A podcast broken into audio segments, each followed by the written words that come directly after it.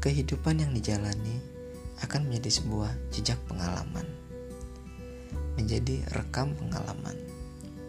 Pengalaman yang dimaknai akan memberikan sebuah pembelajaran.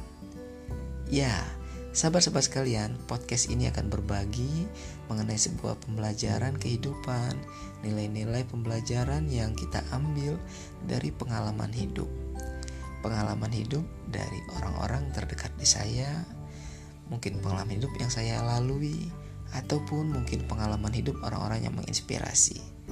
Dan kita akan mengambil pengalaman hidup tersebut untuk di kehidupan kita saat ini agar kita bisa memiliki kualitas kehidupan yang jauh lebih baik kita menerapkan pembelajaran untuk kehidupan kita yang jauh lebih baik